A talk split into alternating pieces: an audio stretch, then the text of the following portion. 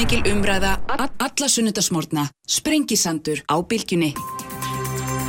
Sæli hlustundur höldum þá hér á stað sem leði likur og sprengisandunum Ari Trösti Guðmundsson verður hér í lokþáttaröðu verða hér. Við höldum þá um um jarðhæringarnar á Reykjanesi, Þórildur Sunna, Ástóttir, Teiti Byrn Einarsson, Altingismenn verða hérna. Uh, að ræðum Lindakólsmáli, Ólbjörn Kárasson, Þingflósformaði Sastæðarflósins verður hér líka. Uh, Fjalla þá mjög harðarlega grein sinna í garð. Matvarar á þrann Svandísa Svagastóttur sem hann segir að tefli ríkstjórnarsamstæðin í tvísunum var alltaf hægt að skilja það öðruvísi og, og hérna mikil þungi í, í orðum Ólubjössi þessu en ég ætla að byrja mestur á fjörðum þar uh, situr í símanum Guðmundur Fertram Sigur Jónsson, sætla blessaði Guðmundur Hæjó, góðan dag Góðan daginn daginn, þú ert hérna fórstjóru og stofnandi frumkvöld Kerisis sem að, hérna, var selt fyrir 170 miljardar kvorki minna nú á núna fyrir helgina undir samning á þeir kynntir og hvernig líður mannum þeir eru búin að gera svona samning bara þólanlega er það ekki? Já, ég er bara nokkuð sattur.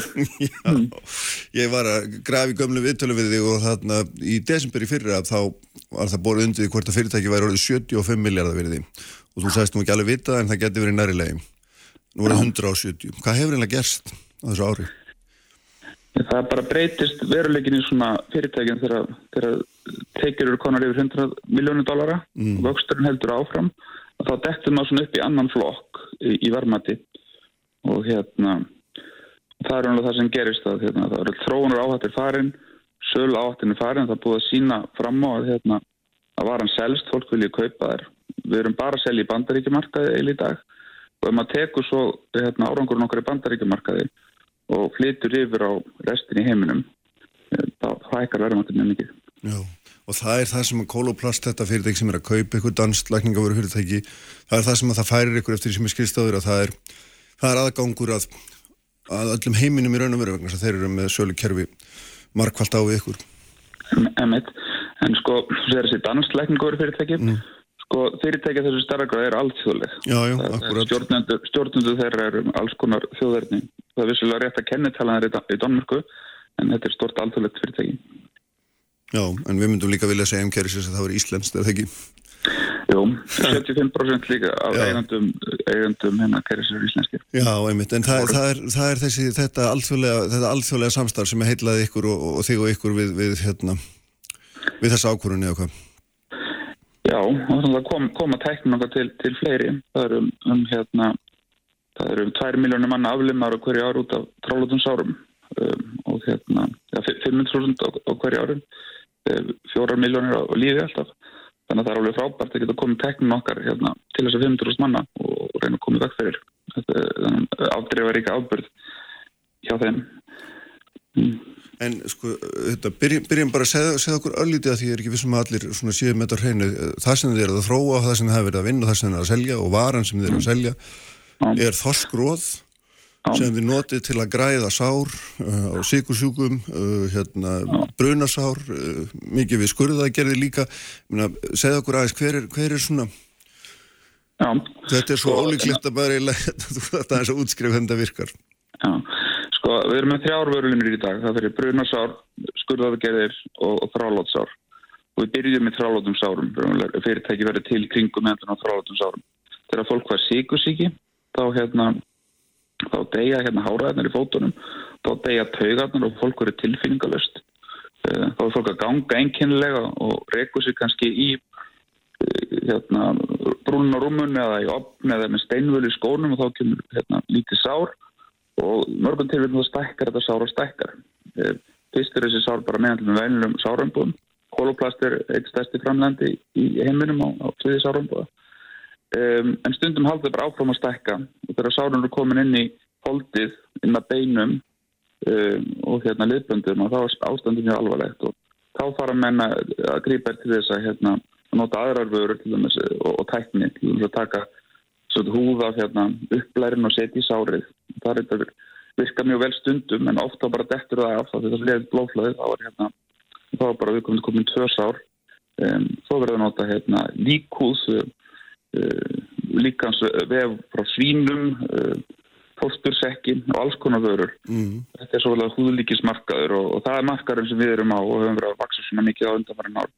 Fyrra voru við uh, fyrirtækinum 5 í, í heiminum hérna, markastar á þessum húðlíkismarkaði og núna eru við komið numur 4 og hérna, það er svona þessi markaður eh, sem er aðalega til í bandaríkjunum það eru mest heilbyrðisvandum þessi það er þessi markaður sem við erum verið svona stór leikand á Og hvað, hvað er það nákvæmlega sem að þorskróði hefur sem að, eða vinnslaðafræðin sem þið beitið Já. að hvað það er sem að eh, ekki er hægt að ná fram með, með öðrum hætti?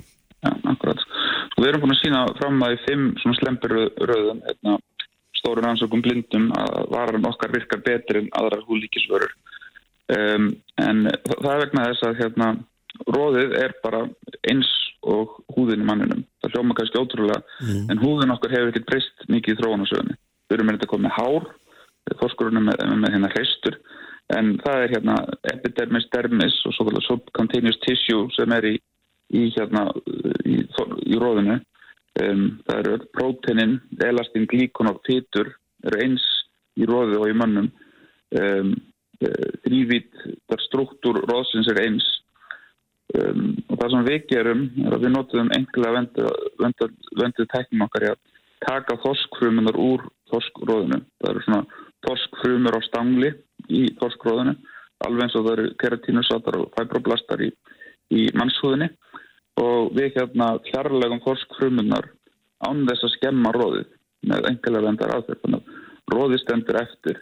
Þegar maður horfir á það lítur bara að lúta svo venlegt róð en við erum búin að taka þessar frumur sem eru á stangli í þorskróðinu í burtu uh, án þess að skemma róðið eða, eða breyta nokkuð efnafræðin í róðinu uh, svo döðu hreinsum við róðið lekkurinn fær það sína hendur sjúklingurinn kemur lekkurinn er með nýf og sker allt dögt hold úr uh, sárunu, skólabört allan gröft, uh, gerir sárið blæðandi og leggur svo þorskróðið ofan í sárið og svo leggur hann sárumbúð ofan á þorskróðið. Og það sem að gerist er að, að hérna, heilbriðar húður, man, hérna, þumur mannslíkamans í, hérna, í umhverfi sársins að það er skrýða inn í róðið. Það er sjá hérna, eitthvað sem lítur út eins og líkanslegur en það eru hólur í því, það sem að þorskruminar voru áður og skrýða inn og það sé enga mun á þorskróðun og sínum eigin líkansleg og halda bara þarna sér vefur þurfa að styrkja það er skrýða hann inn það kemur nýja æðamyndi það fara að leggja með nýjan vef og nokkur um vefum það, vikum það ef allt, allt gengur vel það um, ummyndast þorskróðið í líkansús það misma bara verkar Já, þetta er alveg magnað hérna verður að viðkennast fyrirgjöður sko en, en hvernig döðan dattir þetta einu í hug og ykkur? Já, sko þetta er, já, ég er uppfinningamæðurinn og, hérna mér þetta í hug mm. Svona, það var svona ákveðið ferli. Hérna að, að hérna, ég hef unnið, ég vann hjá Össuri. Og hérna sko kannski sem að komir svona mest óvart þegar ég byrjaði að vinna hjá Össuri að hérna, þá er ég held alltaf að þeir sem að hérna var um þetta stóðtekni hjá Össuri væru ungir menn sem hefur stígjað að jarðsprengjur eða, eða lendi mótuhjólaslýsið eða einhverju slíku. En svo kemur á daginn að lang flestir viðskiptavinnandi hjá Össuri er fólk sem hefur aflum út af sikursíkisárum sárum sem hafur ekki gengist að græða. Og orðanlega þar sem ég kem, kemst inn í þennan geira og heitlast af, af þessum sára meðfæra geira og sé þannig að þetta rosalega impact sem aflumun hefur á fólk breyti lífið þess hérna, algjörlega til hins verra. Um, og ég starfa svo hjá nokkrum fyrirtækjum í þessum geira. Kem svo til Íslands hérna í kringum um, bankarönnið 2008 og hérna og um, er þá svona alls konar verkefnum. Mm. um, en það sem var svo frábært að hérna að þá í bankarönnið þá setti ríkistjórnin miklu meiri pening í teknithrónusjóð og hérna eh, þannig að ég sé alltaf þessar auglýsingur á teknithrónusjóð þar sem vera auglýst eftir styrkumsóknum fyrir nýsköpun. Og hérna á þessum tíma þá voru að koma nýjar vörur í sárageran sem voru búin til úr fóstursekjum og, og hérna og svínaþörmum og það var svona að verða til þessi geiri, hú, húðlíki skeiri sem ég nefndi aðan var að verða til. Já, og ég bara sitt þarna við tölvuna og sé auðlýsingar í mokkanum frá hlutrónarsjóða og það er áhuga á því að, að hérna, etablera mig sjálfur. Um, og hérna ég hef farið í gegnum svona vörutrónaverkefni oft en bara ekki kannski endilega í öðrum fyrirtækjum. Gegnum skráningu, uppfinningar engalega mál, dreifingu. Mm. Og, og hérna svo bara dettum mér rétt í hug og svo árunum sem kom eftir upp í 2008 þá tekst mér að, að laða að mér afskaplega gott heimi hérna, sem, sem var til í að, að, að hérna, koma þessu verkefni læknar, engalega sérfræðingar, efnafræðingar, skráningar sérfræðingar um, og svo var þetta þannig að frá 2009 þá hérna tróast þetta og 2014 og 15 þá fengur markaslegu og þá sem að fór að verða alveg fyrirtæki. Já, en ég minna einhver staðar kemur þetta, einhver staðar lístur þessu niður, niður í kollinaður, já, akkur ekki að prófa þoskróð. Já. Hvað, hva, hva, veistu sjálfur hvaða nákvæmlega svona, hvað var til þess að þú, þú ákvæmst að fara þá leið í staðin fyrir að þróa áfram eitthvað með svínum eða einhverju öðru sem var í gangi? Sko, ég náttúrulega upprunnin minn hérna er, er, er fyrir vestan í Ísafjörði. Mm. Starfa hér sem ungum aður í fiskvinnslu, bara eins og gengur að gerist. Það er eitt jobb sem er ekki vinslast jobbið, það er að standa við hérna, róðfletti velina og hérna, hún vil að til að hérna, stíplast og dettu dót á gólfið og þá handlegum aður hérna þorskróðið. Og hérna þorskróðið er svolítið tegjanlegt, það, það er fýtulog á því. Hérna svo bara í störfum minnum í, í rannsn og tróðun í hérna fyrir árum að þá hafði ég handlegið hérna önnur efni eins og líkhúðs húð af hérna, transplanthúð, þau verður að flytja húð á milli líkans hluta á mm -hmm. og hérna og þegar ég er að lesa þessa teknikúrunarsjós auðlýsingar og er svona þegar ég er í gang með svona ferli, þú veist hvað hvað, hvað teknir hér á Íslandi og þá bara, hvernig næ ég að tengja þessu. Ég hafði líka unna á Nýjasjálandi hjá fyrirtæki sem var að vinna prótin úr hérna kindaöll á, á, á Nýjasjálandi og það var rosalega vinsalt þar, er svona Í, í söpum tilgangi eða hvað? E, já, reynda þessi beinfyllefni líka já. og hérna það fyrirtæki var, fekk afstofur mikla aðtegli hjá nýsælenskum stjórnvöndum hérna, þarna var að tengja saman eitt grunn aðtunni og þjóðurna sem, sem er hérna, hérna búfærækt við eitthvað sem er háttekni taka einhverju undirstöðu einföld við háttekni og það er það sem við erum að gera í, í, í Keresis, við erum að taka hérna róð sem fellur mm. til í fiskvinnslu. Fiskvinnslu er undirstuð aðtunuður þjóðurinnar og breyta því eitthvað sem er í háttæknin sem er miklu verð meira. Þannig að þú ert með einhverjum hægt að tengja saman hvað og kalla frumatunum við þjóðurinnar og svo, svo nýjustu tæknim það er, það, það er svona maður mað getur líst í, í örfam á morðverkefninu þannig. Já, já. Það, það getur bara vel passað. Mm. Já, og fyrir auðvitað hann náttúrulega síðan að það er auðvitað hérna svona sérstaklega gleðilegt að, að síðan er þessum, þessari þekking og tækni hann er náttúrulega beitt í svo mannulegum tilgangi. Já, akkurat. Og, og það er náttúrulega, þetta hefur ótrúlega skemmtileg vegferð og hérna og, og var þar umverulega í minnum fyrir störum áður að það er ótrúlega ekki að tekið þátt í svona stjórnan svona vöruþrónaverkefni og hérna e, sem uppfinningamæður séð prototýpur unni með hópi í vöruþróun farið í gegnum engaleifi, skráningamál, dreifingarsamninga samskipti við hérna, samskipti við hérna lækna og séð svo vöruna bara í nótgun á sjúklingum sjúklingum sem, sem standa fram með fyrir hugsanlega aflunum og geta gefið þeim von og hérna það er alveg ótrúlega magnað og gríðilega gefandi að sjá róðið sem fellur til hérna Já. í þessu hundstunni fyrir vestan og sjúkling sem, sem hérna stendur fram með fyrir þessu gríðalega uh, umbreytingu lífsinu mm. og er raun og veru fyrir ykkur bara ómæl tækifæri að halda áfram að svipari leiða eitthvað? Já, við, nú erum við sem sagt búin að og hérna sem sagt e, Loring Jobs hérna fjárfesti fyrirtekinu fyrir nokkrum árum Já. og hérna og, og fólki í Silicon Valley eins og hérna Óla Ragnar hefur, hefur nefnt e, það skoðar á tækifæri út frá á hérna á, á skalan líka er að taka uppfinninguna, tækna og hérna og breyðan út til alls heimsins. Um, ég hafði nú kannski ekki aftan á því fyrir fjórum árum að það væri, það væri hægt. En það sem við erum búin að sína núna með að ná þessum goða markasárum í bandaríkanum eh, verða þar fyrir fyrirtekinu með fimm á þessum markað með fjögur. Það fyrirteki sem vex langkraðast. Að núna er bara allir heimurinn undir. Að því að það nú förum við inn í kolpastruktúr þau eru að selja 140 löndum. Mm. og á nokkrum árum verður bara nokkur aðgengli allir þessum löndum veldur við sig og framnæslu getan og, og ráfnið og þetta er allt fyrir hendi eða hvernig, hvernig sjáu þið fyrir ykkur þessa þannig vöxt? Já, það er hérna er rosalega mikil hérna uh, fiskveiði á Íslandi.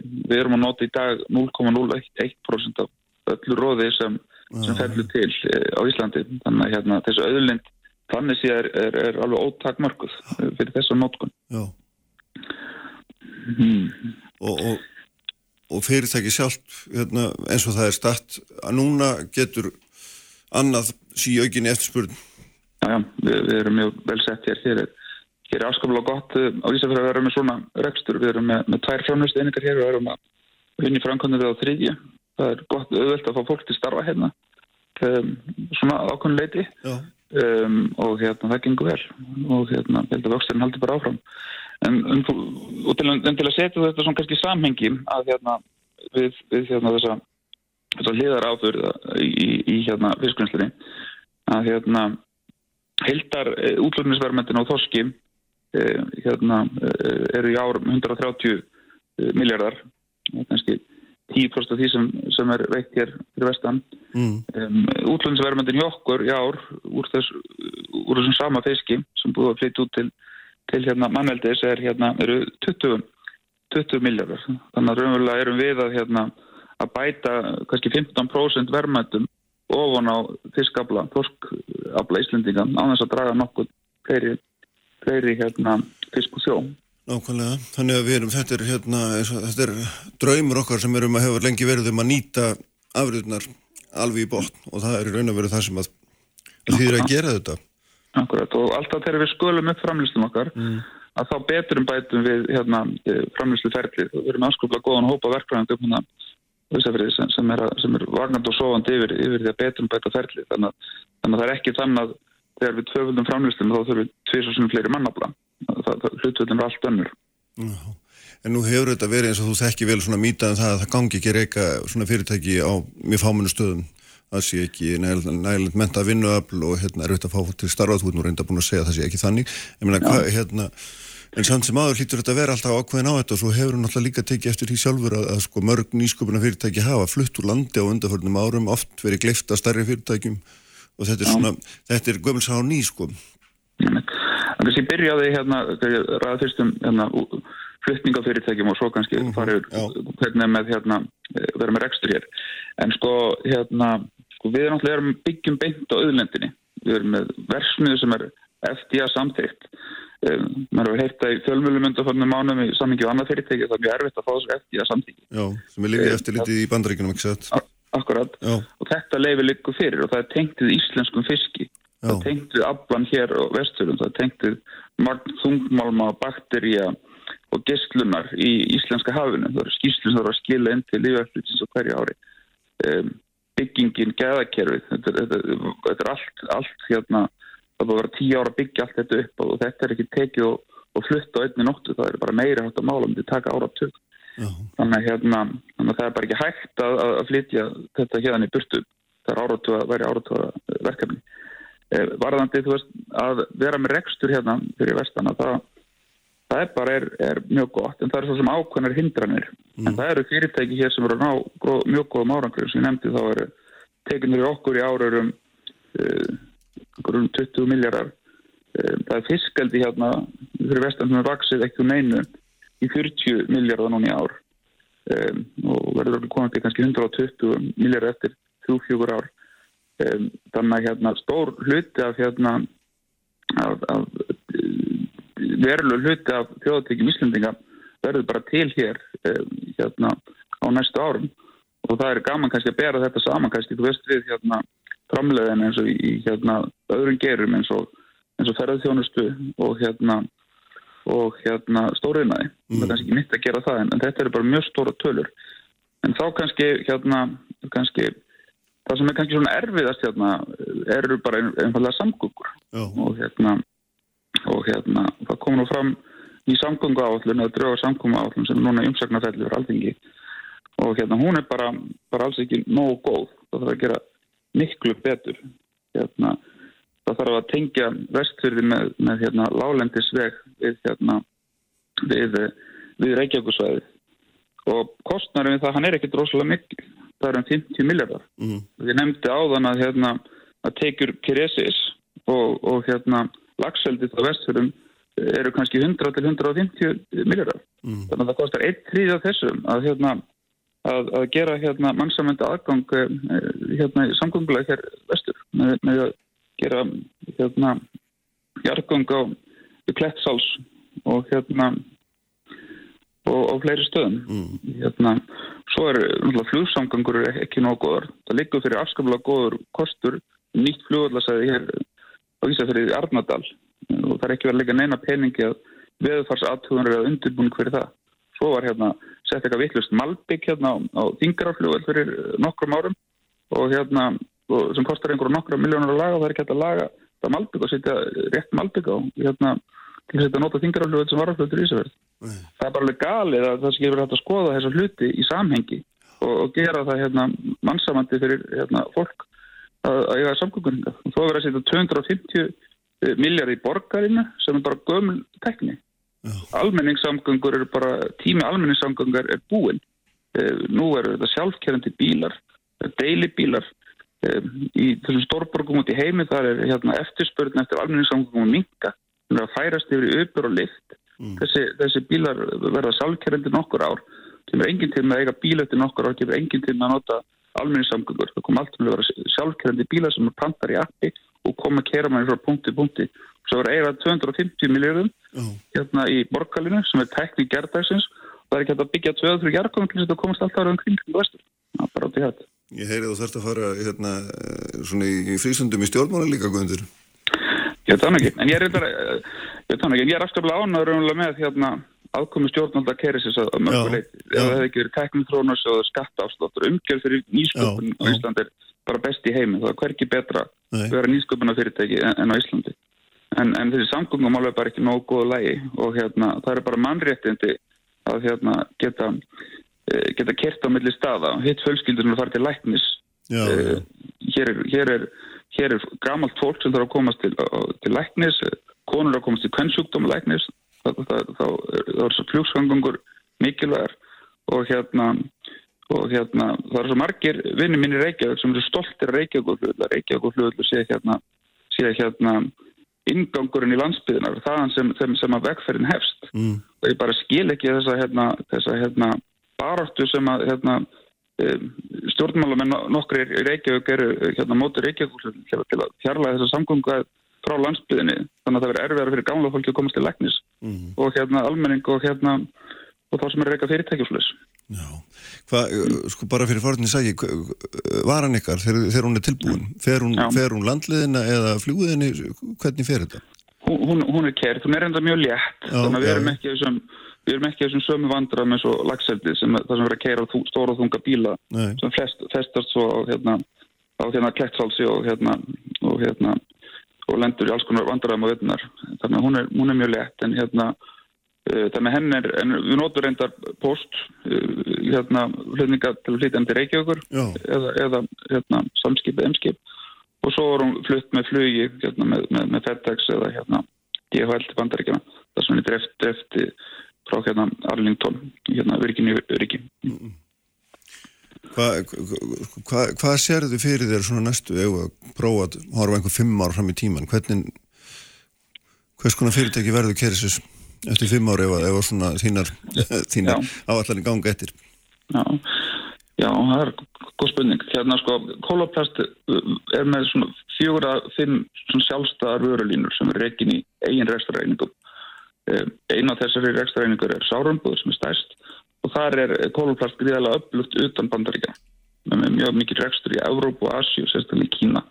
En þeir eru ekki með neitt rekstur því sem næst í bandaríkjanum. Í bandaríkjanum er akkur það sem við erum með upplan rekstur. Við erum með, með hérna, hátt í 300 sölum en uh, góðan infrastruktúr og dreifingarleðir þar til sjúkrása.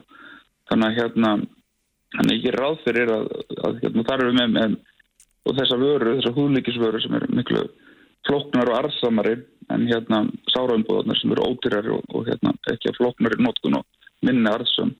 Þannig að hérna ég ég hugsa að þetta komi til með að svona samlagast á, á næstu árum þannig að hérna þannig að hérna þannig að þessi og þessi hérna húðlíkis e, e, geiri innan sára meðandunar verði, verði hérna mjög öflugur og, og mikilvægur fyrir kólaplast og allar vörðna verið framrættar hér á Ísafjörði og hérna um, og, og hérna og var nokkað verið aðgengileg í hérna skref, fyrir skref þessum 140 löndum sem að hérna kólaplast er að selja nú í dag. Hérna og ég bara hlaka til að, að styðja við það ferli.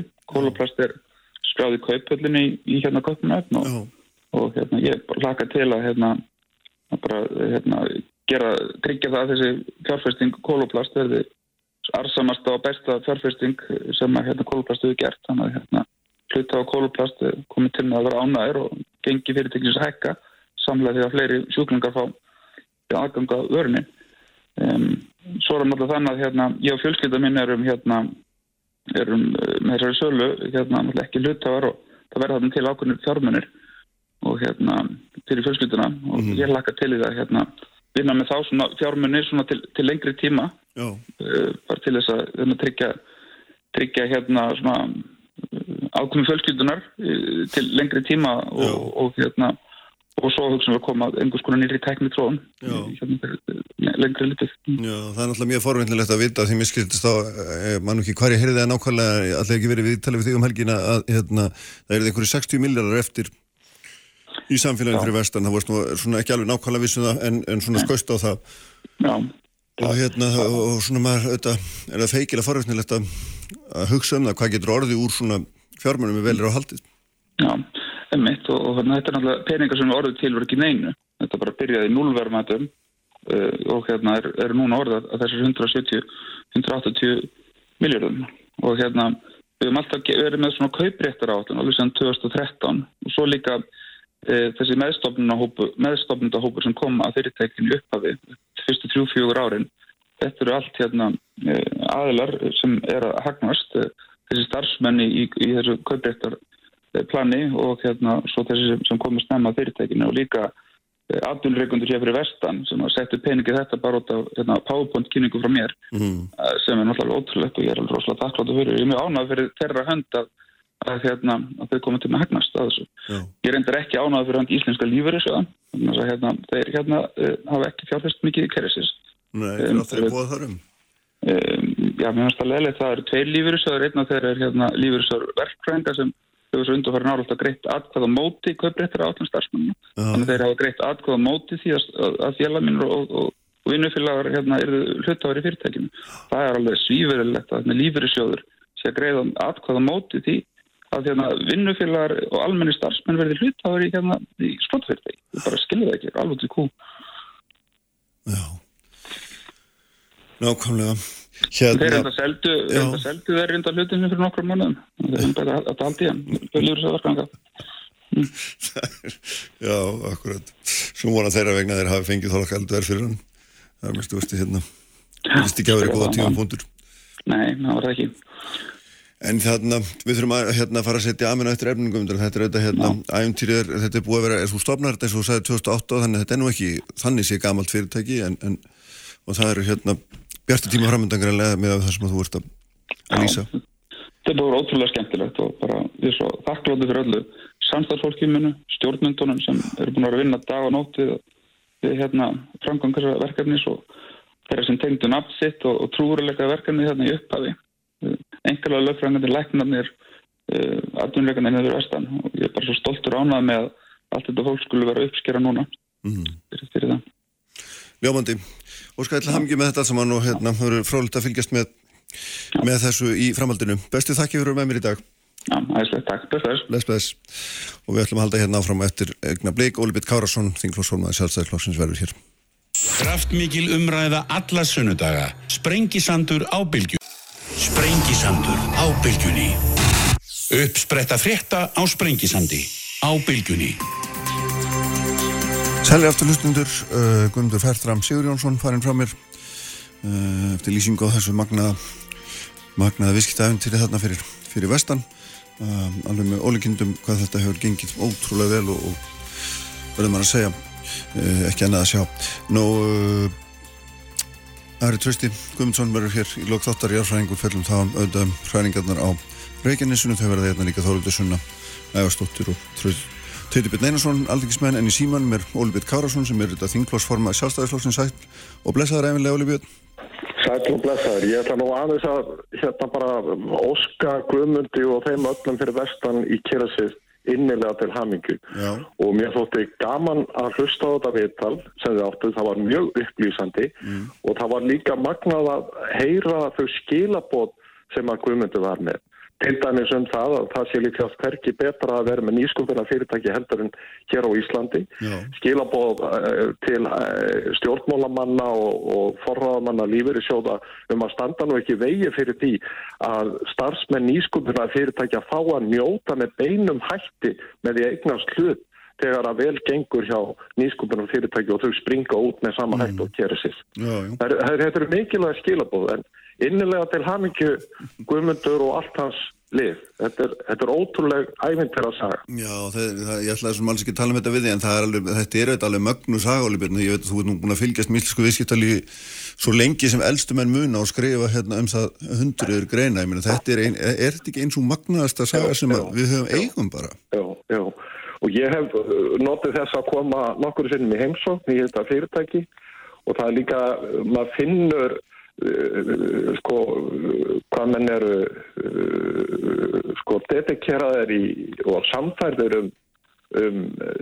fyrirtækið og vöruna en allt gert af mikilvæg hófsend og, og lítillæti næstu því. Mm eins og þú heyrðir þetta viðtali ég, ég skora á alla hlusta á þetta viðtali þetta er með betri viðtalum Kristján sem að þú hefur tekið. Þetta er með betri vittunum sem ég hef hlustað á mjög lengi. Já, ég, ég segi nú svo satt á reynu sinni flattar ég vil get you nowhere sko. Nú skulum við aðeins hérna, skiptum gýr en auðvitað hérna, þetta er eins og við erum búin að nefna magnat en hérna, sko, við langaðum að tala við því um þessa grein sem þú skrifaðir.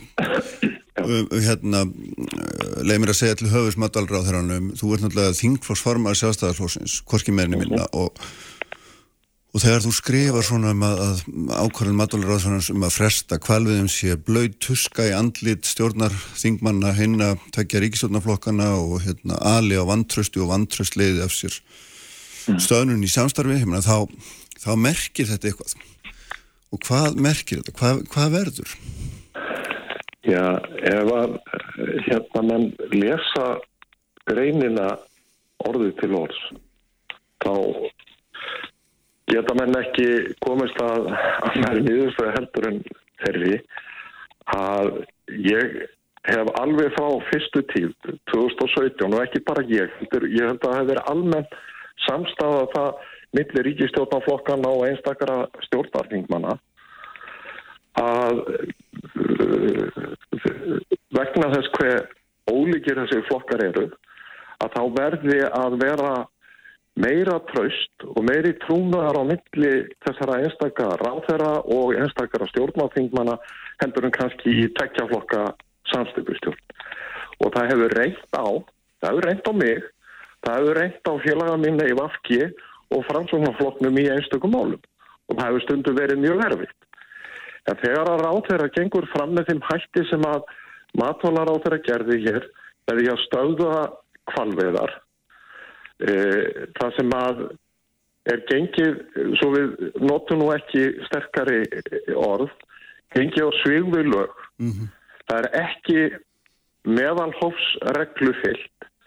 Það er engin sangirni bakart fyrirtækjunu hval og engin sangirni bakart þeim fjölda launafólks sem var búin að gera rástafanir til að vera í töluverðum svona tekju uppgangi eða svona þá hérna tjóluverða tekjur á þessari verti uh, að þetta er allt uh, þessu er kift undan með sólarhings fyrirvara engum var kemur kostur á að koma sjónamiðum sínum á framfæri. Og það er dálítið magnat að fagráðið, svo kallaða mm -hmm. sem alveg öruglega og óumtelanlega á að fara eftir stjórnsýslulögun virti ég engur andmælarétt kvals frekar en ráþeran og svo framvegist. Mm. Og þegar þú horfir síðan á aldrahandan að þessari ákvöðun það sem að matvalastofnun er gefur til kynna eða segir í niðurstöðu sinni í mæsíðastunum að kvalur hafi farið að lögum við veiðar á síðast ári. Þegar að ráð þeirra lýsir því líka yfir að hann hafi ekki neila lagalega forsendur til þess að uh, banna kvalviðar, þetta er í mæ, þá eru allir í góðri trú. Kvalur og forráðumenn kvals hefja undirbúning og starfsmenn sem ætla að fara á þessa vertið gera sína ráðstafanir. Sumir taka sig fríi vinnu og svo framvegis og svo framvegis. Og ég var að lesa inn hér á vísi núna í morgun það sem að einn afinn Sigurður Tórðarsson er að segja frá reynslu barnabansins sem kemur erlendis frá til þess að vinna í kval til þess að eiga fyrir skólakjöldum og námskostnaði í erlendum háskóla. Mm. Er all, þessu er allir hend út og þetta er ósankjörn, óeðlileg stjórnsísla sem að við hljótum að mótmála og þessu til viðbókar. Mm. Ég ætla ekki að segja að ég hafi orðið reyður en ég var fyrir miklu vonbriðum þegar ég hlustaði á viðtal á stöðu 2 síðastlegum fyrstu dag við matválaráðara. Þegar hún segir að þessi grein eða þessi gaggrinni, vegna sem ég er ekki eini þingmaða sjálfstæðislósu sem hefur haft þessa gaggrinni og er þingmaða framsóknar líka, mm. sé bara til heimabrúks. Þegar að menn segja svona, þá eru menn annarkort algjörlega ráðfróta eða skilji ekki það sem er verið að reyna að segja. Hvað nákvæmlega er verið að reyna að segja? Það er verið að reyna að segja þetta. Ef að menn ganga fram með þessum hætti, það sem fariður á sveivilög og ég ætla ekki að nota stærri orðin það, ég held að vísu að hérna, stjórnsvíslög hafi verið brotið. Meðalhófs hafi ekki verið gætt, sangirning eitthvað starfsbönnum og fyrirtæki hafi verið vist að vettu í og ef að menn fara þannig fram líka gegn meiri hluta stjórnarþingmann og taki engu tillit mm -hmm. Til viðfóra á þeirra þá hlýtur það auðvita að hafa áhrif á samskipti þessara aðila á komandi mánuðin. Þessara á þeirra og einstakar af stjórnarþingmann. En ekkit meir en það? Er þetta bara þannig að nokkur stjórnarþingminn vantrista matvælaráðhörunum og, og svo bara búið? Minna, er, er, er það, er það sem sagt niðurstaðan? Nei, ég, mena, ég er ekki, nú hérna skulum við bara býða og sjá. Já. Ég er ennþá þá von í brjósti að ráðhöran endur skoði afstöðu sína. Þegar þess að eh, eitt má Sandi Sáastóttir eiga, hún er snjall stjórnmálumæður og hún gerir sig grein fyrir stöðumála.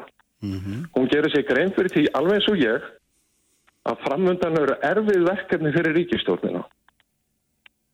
Kjarasamningar, baróta við verðbólku, orkumál og svo frammeins og svo frammeins og það með reyna á samhælni innan ríkistjórnina.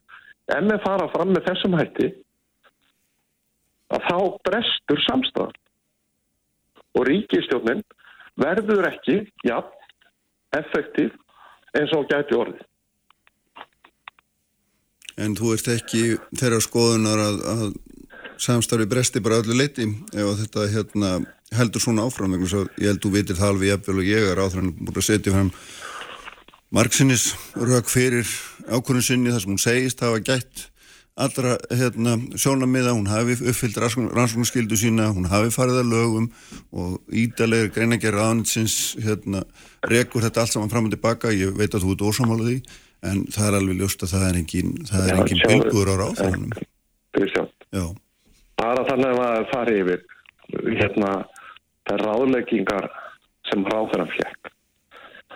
12. júni frá skrifstofu sjálfbærni í matválaráðundinu. Það sem segir mikilvægt er að vanda sér til verka og þeim sem hagsmun að kunna hafa af umrættum breytingum, þar að segja reglugjara breytingum, mm -hmm. sé gert viðvart um fyrir þú að breytingur og regluverki og veitur kostur á að tjá sig um þær og gæta hagsmuna sinna.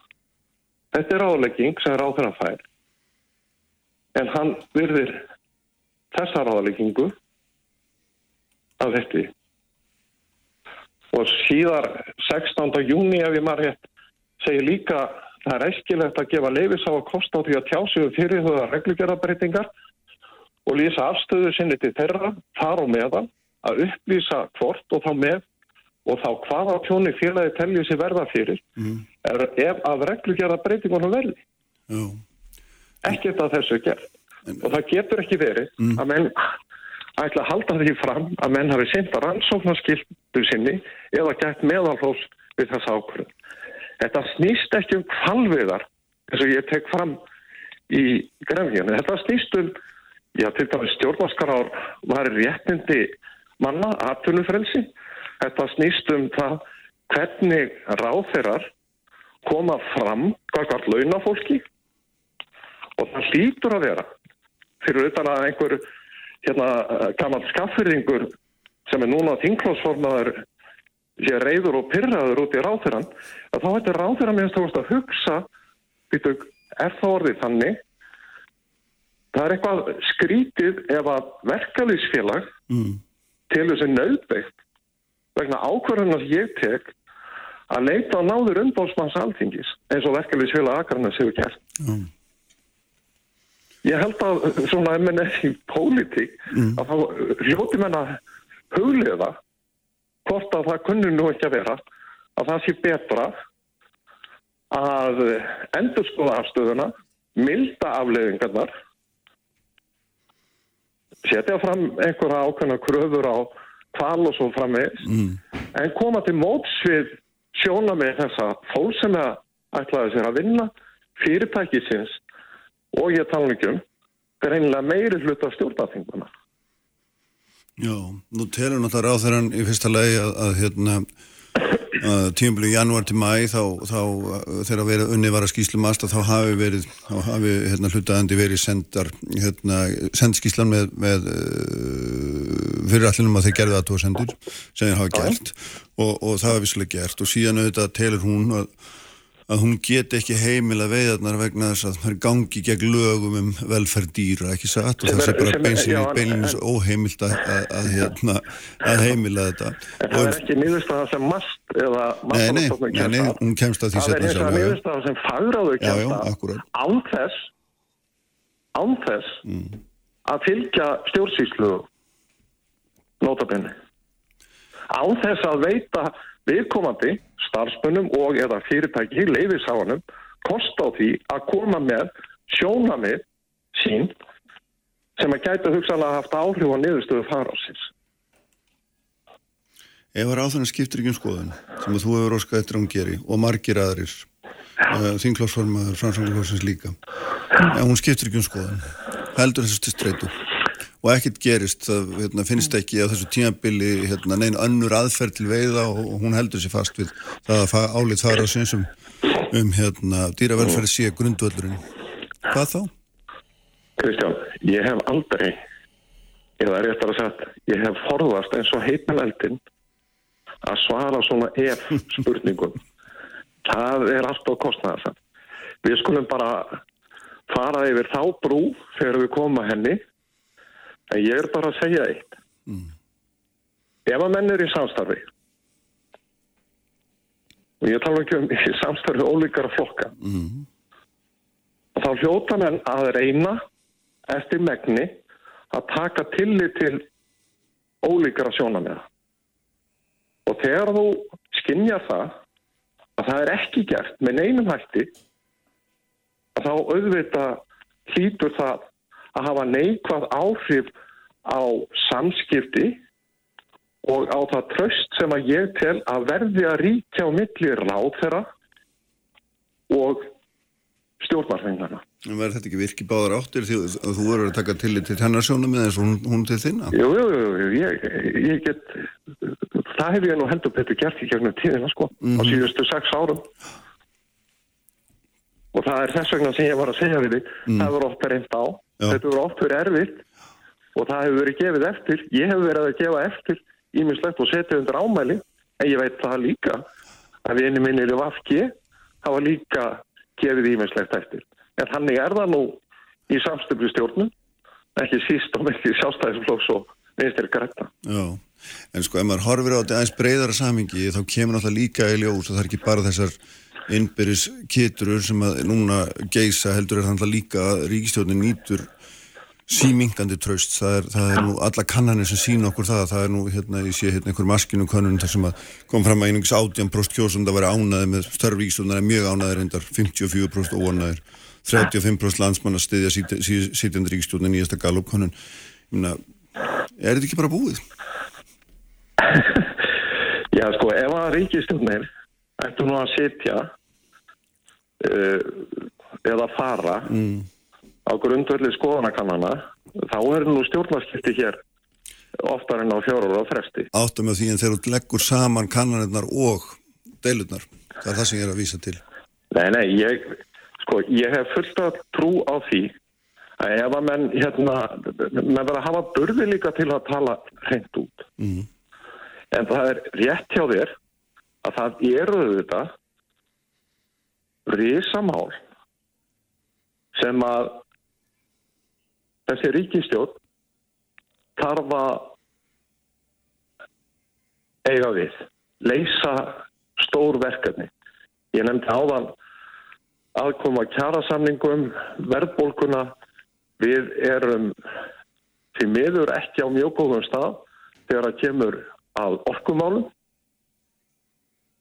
Við þurfum að ná tökum á flottamannamálum. Mm. Þannig að við getum syndið með eðlilegum og sangjöndum hætti uh, og við þurfum að ná og það tengist auðvitað barátunum við verðbólkum við þurfum að ná betri og skilverkari árangri í ríkisfjörðunum. Það er ekki hérna neyn veistla framöndan þegar það kemur í ríkisfjörðunum. Og ríkistjórn sem að hérna, er ósammála innbyrðis um þó nokkuð margur hluti eins og þú hefur nefnt og hefur nýtu símingandi tröst, hún er rétti aðlinn til þess að leiða okkur í gegnum þannan orkusjóð sem framöndan er herri, Þegar við tókum höndum saman 2017 þá láð það fyrir og öllum átt vera ljóst að þessir flokkar og eru með mjög ólíka sín á mörg grundvallar atriði í íslensku samfélagi en við tókum höndum saman og hafa náð ágætum árangri á ymsum sviðum. Og það er engin ástæða til að ætla annað heldur en að menn geti haldið áfram að ná árangri fyrir Íslands launafólk á komandi misserum en þá verða menn líka að vinna saman og það verður tröst að ríkja. Mm. Og það er ekki tröst í dag? Nei, ég treysti Katrínu Jakobsdóttir ágætlega. Mm. Ég treysti Sigur Inga Jóhansinni ágætlega og Lilju Alfredsdóttur og þessu fólki sem að er e, í ríkistjóð. Ég hef hins vegar sagt að ef að þessi ákvörðun matvalar á þeirra stendur óhagguð og hún hafi ekki burði eða politist þór til að endur skoða hana með einum eða öðrum hætti þá hefur það auðvita áhrif á hvernig samstarfi verður á milli matvalar á þeirra og stjórnarþingmanna. Mm -hmm. Eitt hérna áðurinn við, áðurinn við sleppið er uh, sko fimm þinglagsformen ósku eftir því að þing veri kalla saman núna til þess að ræða Íslandsbankamáli, kvalviðarnar fleiri mál. Þetta, og... hérna, þetta er að vera svona tíska að hérna, óskætti því að, að hérna, ting komi saman að mista sílefni. Það er engin ástæða til. Það er engin ástæða til þess þínum að dýna. Nei, nei, nei, þetta eru... Og jáfnveil þó að þetta kvalamál sé eins og það er statt. Kvalamálum myndi ekki ákveðast á þessum hérna, tíma. Mm. Það er alveg ljóst. Og það vita menn. Þannig þú myndir ekki stiðja það að þingir kalla saman. Það er bara að vekja þá einhverja falskar vonir hjá einhverju fólki en ég halda að ef að þingjanir saman í perfir ár vikur og þá myndir kvalamáli leysast, það gerist ekki þannig að vita með Já, þannig að engin ástæði til þess að fara fara þá leginni að þínum að tí Nei, nei ég, eins og ég segi þetta er, þetta er nú svona skemmtilegur pólitísku sangkvæmisleikur sem að stjórnarnarstaðinu er í og þau ná aðbyggli fjölmiðlega í tvo þar að daga og, og svo er það búið. Heyrðum, bestu þakki fyrir þetta Óli Björn, ég heyra að þú hérna mm, vilt aðeins tala eins og við fréttum þetta framhald ég, ég, vil, ég vil bara vera út í sólinni, Kristján. Já, já, ég ætla að leipa þér þongast Heyrðum, bestu þakki fyrir með mér í dag. Já, takk, takk, blæðis Þau eru hérna hjá með Þóldur Sunna, Ægastóttir og Teitur Björn Einarsson eftir og svo Ari Trösti Guðmundsson í lokþáttar Sprengisandur á bylgjunni alla sunnundasmórna Sprengisandur á bylgjunni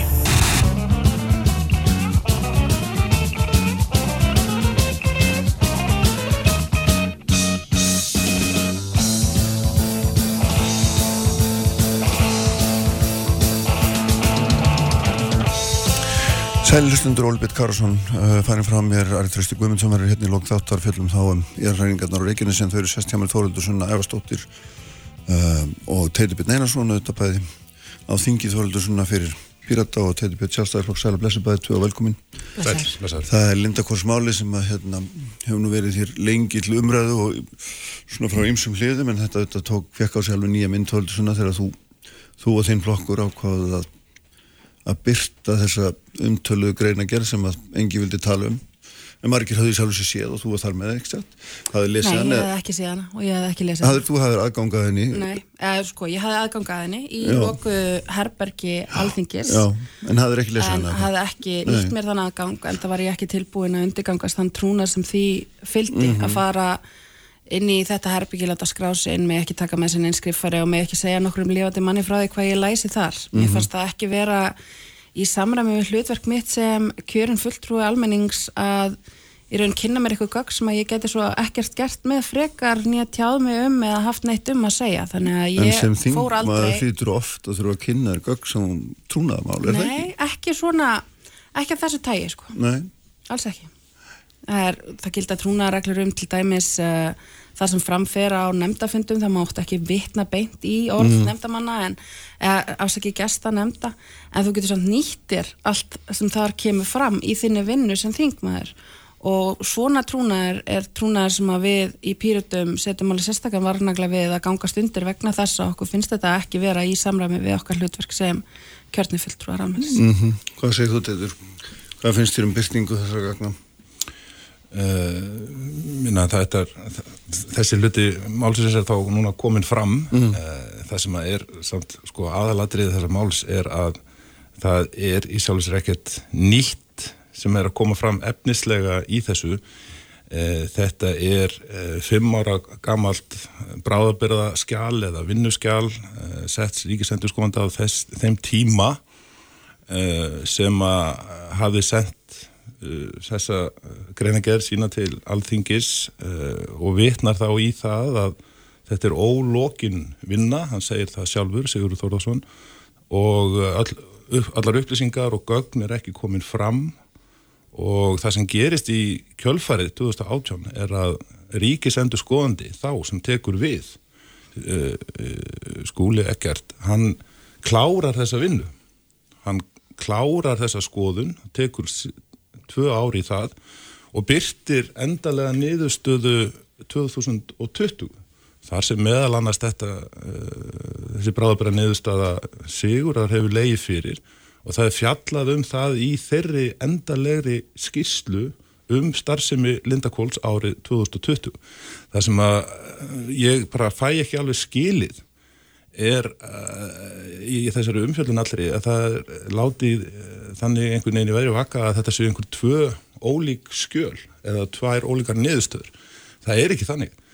Eina loka niðurstöðan sem er til grundallar í þessum máli er skýsla ríkisendurskóðanda frá 2020 mm -hmm. og uh, þar sem að málið er klárað, öll gögn og allar upplýsingar koma fram, uh, það er gætt að andmálarétti Eh, sem að hafði ekki verið gert þegar Sigurður sendir sína uh, greinagerð til Altingis 2018 uh, andmálarett þeirra sem að hlut eiga máli til þess að varpa ljósi á málið og fá því rétt að fram.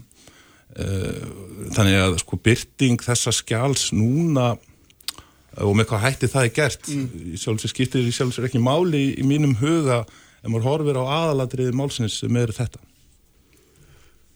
Já, þetta er Já, ég veit áhugavert. að þú ert ekki sammála þessu. Nei, ég er ekki- er ekki En sammála Hvað finnst þér um þess að, nú ertu hefur raunverulega geta lesið þetta, Já. finnst þér eitthvað vera í þessu sem að, hérna, að, að sko, skiptir einhverju máli þannig síðan? Finnst þér vera einhverju niðurstöðu þarna sem að þarf að draga fram sérstaklega? Já, algjörlega, tómaralaust mm. Fyrsta lagi þá langar mér líka að adressa þetta Já. þessa, þetta spinn eins og ég myndi kalla sko, að tala um að hér hafi ekkert nýtt komið fram og að það sé ekkert að frétta af þessu áliti og hérna þetta sé nú bara allt í himnalegi Eh, Þar sem að mér finnst þessi greina gerð sína svart á hvítu er hversu mikið var gert þess að í raun komið veg fyrir að ríkisendurskoðandi settur gæti unni sína vinnu. Og hversu mikil tregða var innan kerfinu að fara lögum vegna þess að lögin segja að það beri að afhenda ríkisendurskoðanda öll gögn sem að hann óskar eftir í sínu eftirlitstarfi og þar með talið frumgögn sem að ríkisendurskoðandi bara fjekk ekki aðgang að þrátt fyrir marg ítrekkaðar beðnir. Uh, þetta sýnir í raun fram á já, leyndar hyggjuna sem að hefur verið allsræðandi í kringum þetta mál frá A til Ö og þar að leiðandi uh, hversu mikil nöðsinn það er að fara nánar ofan í sauman á því út af því hvernig ég bæði að staða því að halda þessari greinagerð leindri í all þessi ár þrátt fyrir tvær ákvarðinni fórsættisnefndar þrátt fyrir þrjú lögfræði álit sem segja að það beri að byrta þessa greinagerð þrátt fyrir óskir uh, bladamanna um já, ítrekkaðar óskir bladamanna um að fá aðganga þessu gagni uh, og sko allan lendar hjúpin í kringum þetta á þingi þar sem að þingmanni er bannað að senda inn fyrirspurnumálið sem að hefur nú ekki gerst í ára tugi uh, þar sem að sko umsögn sem að settur ríkisendurskoðandi skrifar um þessa skýslu sem kom út 2020 hún er það sett trúnaðarskilda á, á, á það sem ætti að vera ofinber umsögn ríkisendurskoðanda uh, þannig að hún fegst ekki byrt umsögn sem Þú kemur veist að tala um umsökk Sigurðar um... umsögn Sigurðar um, skýsluna um Lindarkól sem kom út 22, Já, eða 20, já, afsakið, já, 2020. skýslu Já, sem sagt, þegar ég er formað stjórnskipuna eftirlitsnefndar, Já. þá kemur Sigurður Þórasson til okkar að fund, þá er þessi skýsla nýjút komin, Lindarkól skýslan ofinbera og hann áréttar þar að hann er mjög ósamála þeim niðurstöðum sem að koma fram í skýslu ríkisendurskoðanda og álitur að þarna hafi ekki allt komið fram sem ætti að koma fram. Þannig að stjórnskipun og eftirlitsnefnd óskar Já. eftir í við hann, skrifi umsögn um þessa skýslu sem er alvanalegt og þessa umsögn sendir hann að fórsetisnefnd og skrifstofa þingsins tekur það ákvörðun að um þessa umsögn eigi að gilda trúnar og Sigurður fær ekki að tjá sig um hana með frjálslegum hætti við nefndina. Það út af fyrir sig er líka ákveðin hluti í þessari leindarhyggi. Og svo er þetta allir veggirnir sem hann er að lenda á eins og ég var að minnast á. Fjármálaráðuneytið svarar honum ekki, veitur honum ekki umbeðingögn, uh, fylgiskjöl, tölvupóstar sem eru í hyrslum fjármálaráðuneytisins. Uh, Sæðlabankin dregur það í marga, marga mánuði að uh, gefa ríkisandurskoðanda leifi til þess að skoða hvað varð um þessar, þessar varasjóðu sem að urðu eftir hjá slitabúunum sem að einmitt ríkisandurskoðandi bendir á að hafi ekki verið tilgreint að væru til staðar í skýslum til þingsins. Uh, og sömuleiðis sko hvernig Lindakoll kemur fram við ríkisandurskoðanda og neytar af afhendarum umbeðin gögn og hann lýsir því í þessu stöðuskjali sem er alveg rétt, hann, hann, hann segir það, þetta er stöðuskjal, hvert vinnan er komin. Já. Uh, hann lýsir því hvernig samskiptin við Lindarkól versnuðu og versnuðu eftir því sem hann bað um nákvæmari gögn og upplýsingar að það var ekkert að fá. Sko eina pólitíska spinnið í þessu máli er núna hjá Píratum og Þórildi Sunnu um að ganga þannig út frá því að bráðbyrðar niðurstaða Sigur og Þórðar frá Þórðarssonar frá 2018 sé hinn heilaði sannleikur í málunu þegar það liggur fyrir að það verk var ekki klárað. Það lág ekki fyrir öll gögn og allar upplýsingar og það var ekki búið að gæta andmælarétti og svo frammeðis. Lögum um uh, ríkisendurskoðanda hafi ekki verið uh, fyllt eða það hefði ekki verið klárað. Uh, ríkisendurskoðandi 2018 sem að tekur við málinu eðlilega, hann klárar þetta eftir tvekkja ára vinnu, klárar að fá öll gögn og upplýsingar, klárar að fylgja lögbundniri málsmeðferð og skilar endalegri skýslu. Svo niðurstaða eh, er heilt yfir að starfsemi Lindakóls hafi verið hérna, farsæl, heilt yfir, náð öllum þeim markmiðin sem að lagt var upp með með eh, taka við þessum stöðleika framlögum frá 2016 og niðurstaðan er afar jákvæð fyrir ríkisjóð. Það eru aðalatrið málsins hér. Þannig að þetta það, þetta eru ekki tvær ólika skýslur Já, skýsla Ríkisendurskoðanda frá 2020 er endalega skýslan í þessu máli. Það er alveg Og rétt, en, en, á- en aðeins það er á- samt, ólí, það er samt en byrju, ólík, svo- ólík nálgun teitur, mér getum kannski ekki hort frá því þetta eru menn í sama embættinu og þeir, þeir eru á gjör ólíkri og leið. og það sem að koma inn á þann, þann hluta. Nú hefur uh, stjórnskipunar eftirlýsnefnd Tingsins haft þetta mál hjá sér í þrjú ár og málið er enn opið og uh, þar hafa nefndamenn og, og hérna þingmenn haft öll tækifæri til þess að kanna, uh, kanna hérna, nánar þetta mál, hafa haft aðgang að þessari greinagerð Sigurðar frá 2018 og það sem ég var að segja hérna upphafið er ekkert nýtt í sjálfur sig sem hefur komið fram. Já, já, það er alveg, alveg ljóst og öllum ljóst að Sigurður, þá settur ríkisendurskóðandi, hann er ekkert endilega sáttur við uh, lokar skýslu ríkisendurskóðanda skóla ekkert á sínum tíma og það er bara sjálfsagt að fara þá nánar yfir það hvaða mm. efnisatriði það eru í þeirri niðurstöðu og ríkisendurskóðandi er vantarlega og nú sem fyrr bóðin og búin að útskýra þá niðurstöð sem að var í þessu máli 2020. En, en það, Þannig það að er engin- það sem er svo það er engin- áhugavert það er við engin þetta, leyndarhyggja í þessu. Jú, að útskýra. settur Það skilar umsögn til þingsins um hvað það er sem ber á milli og þessari umsögn Hvar er- henni, henni hún er bara það er bara skúffu sjálfsagt alveg að eins og fara, þessari greining sjálfsagt að fara yfir það. Það sem ég er að segja er að efnislega er ekkert nýtt í þessu máli uh, og það, sko, skýrsla ríkisendur það það þessum að lesa hana frá 2020 uh, átta sig alveg á því að það er gömkjælega farið yfir öll þessi atrið.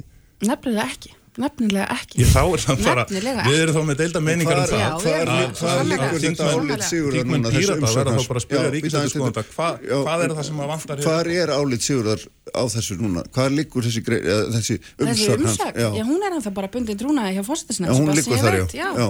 Ég meina málið er sko- ennþá opið hjá stjórnskipunar eftirlýsnefnd og ég bara ég reikna með í framhaldinu að nefndin getur haldið áfram umfjöldun sinni um þetta mál og uh, klára það með einhverjum hætti. Það er þá bara jákvæði í þessu máli. Já, sko, Já.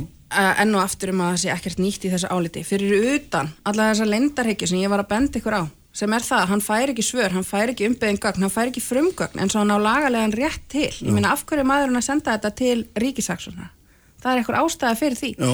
það er lagaleg skilda að vinna með ríkisendurskóðanda þegar hann er sínum eftirlistörum, hann getur kallað til lögreglu til þess að verða sér út um gögn það er mjög rík skilda til þess að vinna með honum og það sem að byrtist okkur í þessu stöðuskjali er mjög ásett, vinna af ásetningi að láta hann ekki fá gögnin sem að byður um. Það sem að kemur þarna líka fram er að þarna erum að ræða já, einhverja greiðslur upp á 10,8 miljardar sem að engin fylgigögn eru með, með þeim nema í, í tveimur tilfellum af sex. Þarna erum við að tala um handlegum mat og hvernig mat er lagt á verðmæti þessara egna Já. Og það er eitthvað sem að ríkisendurskoðun fer eiginlega bara ekkert í. Hún leggur það bara að Nú, jöfnu það er kafli í bara að þú myndir lesa hana um þetta nákvæmlega. ég er auðvitað búin að lesa þessa Já, skýrsla já, hún kom til mig þegar ég var formaði nefndar Mér heyrist ekki, en, einmitt. en minna loka niðurstöða ríkisendurskoðanda frá 2020 er mjög skýr og hann fer yfir þessi Um hafi hann fer yfir vinnurskjál hérna Sigurðar og hann aflar frekari gagna og, og aflar frekari upplýsinga. Hann uh, hérna, fer með máli til umsagna til þeirra aðala sem að máli varðar, kallar þetta frekari útskýringum og sjónarmiðum, allt eftir hérna, reglu sem gilda um ríkisendur skoðanda En hann varpar öllum, öllum svona, allri, öllum grunnsendum sigurðar um eitthvað, hann varpar þeim öllum eða bara fyrir borð og segir hér bara var allt í góðu lagi frá aðilu hann líka útskýrir það ekki með neinum nákvæmum hætti. Þar sem að maður á að verjast er að En það er mjög mikill munur á þessu teitur sem að mér stöðna áhugaverður þessu líka því að Sigurður Já, er að tala um meina, vilji hver er loka niðurstaðan? Það er Já, frá í- 2020 já, já. eftir að það er búið að fara yfir þetta sjálfur allt að segja að En við hver er þá með spinn hérna þetta? núna? Að, hérna, Þóruldur Sunna bara sætti sig ekki við þá niðurstöðu sem að ríkisendurskóðandi var með 2020 mm. af því að það er þá ekkert pólitískt spinn, það er engin glæpur og það er ekki neitt að hérna, þusa neitt um þetta mál og þess vegna er verið að draga þetta svona fram Emitt út af því að það hefur ekkert með hlutan að gera að settur ríkisendurskoðandi var að vísa þessu máli til ríkisaksunar. Það er náttúrulega bara eitthvað pólitíð spinni á pýritum að hann hefur gert það eða hvað, Teitur Björn? Já, já, það, Ha, ha, það, er, hérna, það, er, það er bara sáþáttu Ha. málsins, það er enda, fyrst að þú kemur á, þú-? Mm. þegar þú kemur inn á það, það er ágætt að bara koma inn á það aðri. Eh, sko, eh, það fær fyrstulega ekki staðist að, að sko fyrverandi settur ríkisendurskóðandi vísi einhverju máli til uh, ríkisaksóknara. Það er bara skýrt í lögum um ríkisendurskóðanda ef að ríkisendurskóðandi í aðtunum sínum að málum verður var við eitthvað sem er uh, hérna refsivert, þá ber hann um að vísa því til lauruglu. Uh, ég er bara hjá eftir því í, í, umfjöldun fjölmila að í þessari umsögn sigurða til ríkis saksóknara, einhverju hluta vegna, er ekkit vísað í það hvaða lög áttu nú hafa verið brotinn eða hver ætti að hafa brotið þau lög? Já, það er sjálfstætt brot að heilma yfir. Yfirheilming er sjálfstætt brot. Nei, ég bara fæ ekki, mm. fæ ekki séð í því máli. Það er bara frólægt að, já, já, það hefur bara sinn gang, sko, en það er bara frólægt að, að spyrja mm. þeirra spurninga. Veitu, hvaða lög voru brotinn, eða þetta var refsi verið hátt sem mig, og hver átti að hafa brotið? En telur þú að það, það sé, það sé svona málið, hann sé vísaði til ríkisaksóknara á, á grundvilli þess að, hérna, hann telji að sig hafa eitthvað grunn fyrir því. Já, þetta er hérna, fyrirverðandi ríkisendurskóðandi til 20 ára. Já, og hann var settur þetta verkefni. og þar sem að þetta stöðuskjál uh, ber í förmið sér er að á öllum stegum þess mm. mál sem hann er með það í höndum að þá er allt gert til þess að vinna gegn því að hann geti skila sinni vinni og til þess að tíma. Já, já teitur, það, það er hérna sko já, bara til að snikja því nákvæmlega þessu atriði sko að óháð loka nýðustöðunni og óháð því hvort eitthvað kemur út úr þessu þá er það ljóst að settu ríkisendurskóðandi í þessu tilviki þurfti að hafa mikið fyrir því að sækja gögn meðal annars til Lindarkvól sem var nú reyndar vistað í skúfu það. lagði mann út í bæ og fekk þau ekki. og finnst þér það ekki vera er það ekki eitthvað svona sem að við ættum að hafa svona ágjur að menn bara svara ekki í ríkisendurskóðanda Fyrir að fyrsta sko, ég loka skýslu ríkisendurskóðanda frá 2020 þá færa hann öll gögn og allar upplýsingar og það. er bara staðins Nei, ég er ekki dræð það Það er ekki leindar hingja En Sigurður var að vinna í þessu samt í 2 ár var það ekki? Já, áttum okkur líka aðeins á grunnunum og upp að þessa máls. Árið 2016 þegar það verið að fara í stöðuleika framlögin og afnámi gældirisafta þá eru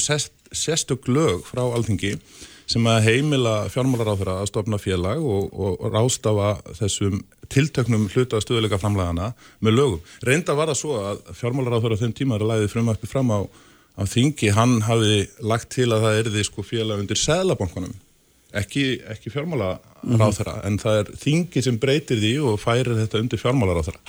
E, þá er sett sérstakt atriði að ríkisendurskoðandi skildi hafa eftirlitt með lindarkúli mm -hmm. og það átt að skila líka skýslu til alþingis og þetta var alls saman gert. Eh, settur ríkisendurskoðandi er þá í þessari vinnu sérstaklega falið samkvæmt lögum um þessi stöðleika framlög. Eh, og sko hann tekur við þarna í september 2016 og lætur ennbætti 2018 eh, sko þá er stór hluti vinnu Lindarfólks með ástöðun af þessum hluta stöðleika framlæðana eða 60 miljardar í upphafi mm. sem reyndar urður sko 71 miljardur uh, ég er ekki vissum að það allir vinnunni hafa verið loki sko en það er þá það sem að ríkis endur skoðandi sem tekur við málinu mm.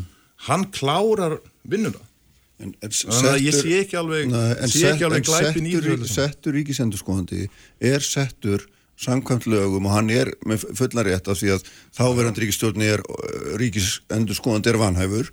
Þessin er hann settur og hann hefur allar hann hefur öll sömu réttindu og allar sömu skildur og, og ríkisendur skoðandi hefur og það er það sem ég er að spyrja um. Hann er að senda erindi, hinga og þanga, ég meina það kemur glögglega fram og hann fær ekki svör og hann fær ekki svör og hann fær ekki svör. Og ég meina Já, já, ég meina, já, það, lítur, þetta, það lítur að vera ámælisverð. Já, já, þeir sem er lutaði máli geta þá svarað nánar betur fyrir það hvaða gögna voru sem að, hérna, voru viðkvæm eða áttu ekki að fara, e, mm. áttu ekki að afhenda eða hvað, er sem það er sko. Það er bara komið botn það er bara komið botn það er bara komið botn í þetta sko og ríkisendur sko þetta fekk allar þessi gögn og fekk allar upplýsingar sem hann baði um.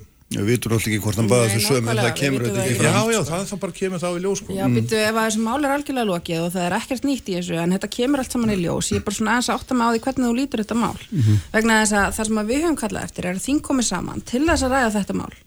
Til þess að ræða hvernig það fari með Uh, já, til dæmis þessar 10 miljardar sem að enga skýringar fundust fyrir.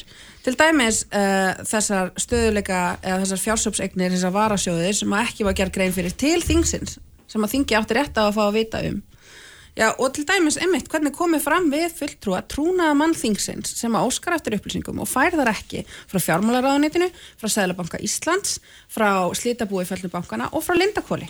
Sko, Og síðan varðandi félagið sjálft, sem að er auðvitað annað sem að mér finnst ekki hafa komið nú skýrt fram í skýrslu ríkisandurskoðanda en kemur mjög skýrt fram í þessu stöðuskjali. Sem er það, að þetta, það er búin til hálfgerð skél utan um félag sem hefur þetta hlutverk, það er engin henni, það eru þrý stjórnamenn það er sett, sett mjög flóki regluverk sem að settur ríkisendurskóðandi kemst að þeirra niðurstu um að hafa verið ógjarningur að fylgja eftir, að hafa eitthvað skonar eftirlit með hvort að væri verið að fylgja. Uh, það er einn maður þannig að settur í ótrúlega margar stöður sem að settur bendur á að hafi ymmit að uh, gert það mjög erfitt að passa upp á innra eftirlit. Þegar hann skipaður í hverja stjórnina á fætur annari þegar hann mætir að fyrsta stjórnafundin sem að mér er nú líka áhugavert. Vegna þess að allt í þessu ferli átt að snúast um gagsægi. Það var mjög skýrt með þess að í samningnum á milli fjármálaráðanætisins og Lindakváls að uh, gagsægi ætti alltaf að vera í fyrirrumi í öllu þessum aðgerðum sem að Lindakváls stæði að. Og með að við forsögum þessa mál, ég minna þetta er bara hlægilegt. Ef við horfum á alla, alla lindarhyggjuna sem hefur verið í kringum þetta mál síðan þá framkomuna við uh, ríkisendurskóðanda settan framkomna við þingið sem að hefur ákveðið að byrta þetta en ekki fengið. Uh, hvar, er, hvar er þetta gagsæði? Síðan er talað um armslengt að það ætti að stopna félag til þess að vera með armslengt frá ráðferðanum uh, síðan er þangað settur inn í stjórn uh, fulltrúi skrifstofustjóri ráðunitsins þar að auki þá mæti þangað sérstakur ráðgjafur ráðunitsins með prókuru af félaginu með reglurnar sem að félagið á að fylgja með í raun bara dagskrána, allt tilbúið. Mm -hmm. það er ekki hægt að segja að þetta sé sjálfstæð stjórn Nei, með armslengt frá ráð þeirra þetta er eitthvað sem það líka fór hann í sjöma þessu pólitíku spinni hérna þóldur sunni sko hvert er lögbrótið og hver að hafa brótið lögin?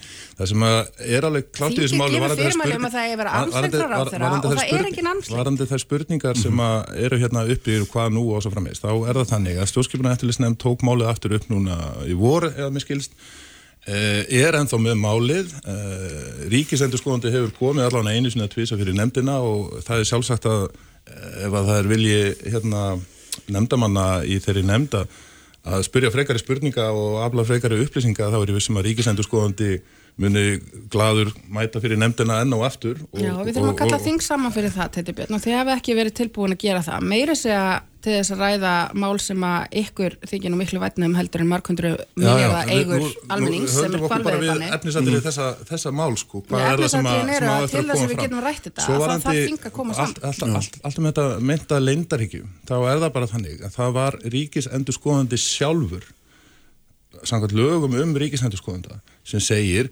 herðu þetta skjál frá Sigurður Þórðarsinni er vinnuskjál og á ekki að byrta ofnbella. Það er hann sem segir þetta. Mm og lögum um ríkisendurskóðanda og þetta er sérstaklega trúnaða maður þingsins, embætismadur þingsins sem segir þetta. Og það sem hefur gerst í kjálfarið eh, að fórseti alþingis verður einfallega við þeirri beðni og spyr þá á móti á hvaða lagagrunduli á hann þá að byrta þetta trúnaðarskjál sem að ríkisendurskóðandi segir að megi ekki byrta Þegar Sigurður Þórasson sendur okkur þetta skjál þá er hann ríkisendurskóðandi Þetta er aðalatriðið málsins. Mm -hmm. það, hann, já, já, hann er settur ríkisendurskóðandi Já, en hann segir að með þess að sjálfur í brefi til hérna, fósittalningis að vinnunni sé ekki loki öll gögn hafi ekki komið fram Einmitt. og það er eftir að klára málum það er svo gert tveimur árið setna með loka niðurstu það, það er líka þannig í lögunum að það er hægt að byrta greinagerðir og þetta er nákvæmlega um það sem er rætt. Já, nákvæmlega, en það er náttúrulega líka verið þannig að þessu málu hefur skotið til úrskurðunum uppsingamál er það ekki sexunum eða sjösunum Jú, það er út af því að þetta skjál þetta skjál er í höldu þingsins vegna, og, og úrskurðunum nefndum upplýsingamál á ekki lögsu yfir þinginu.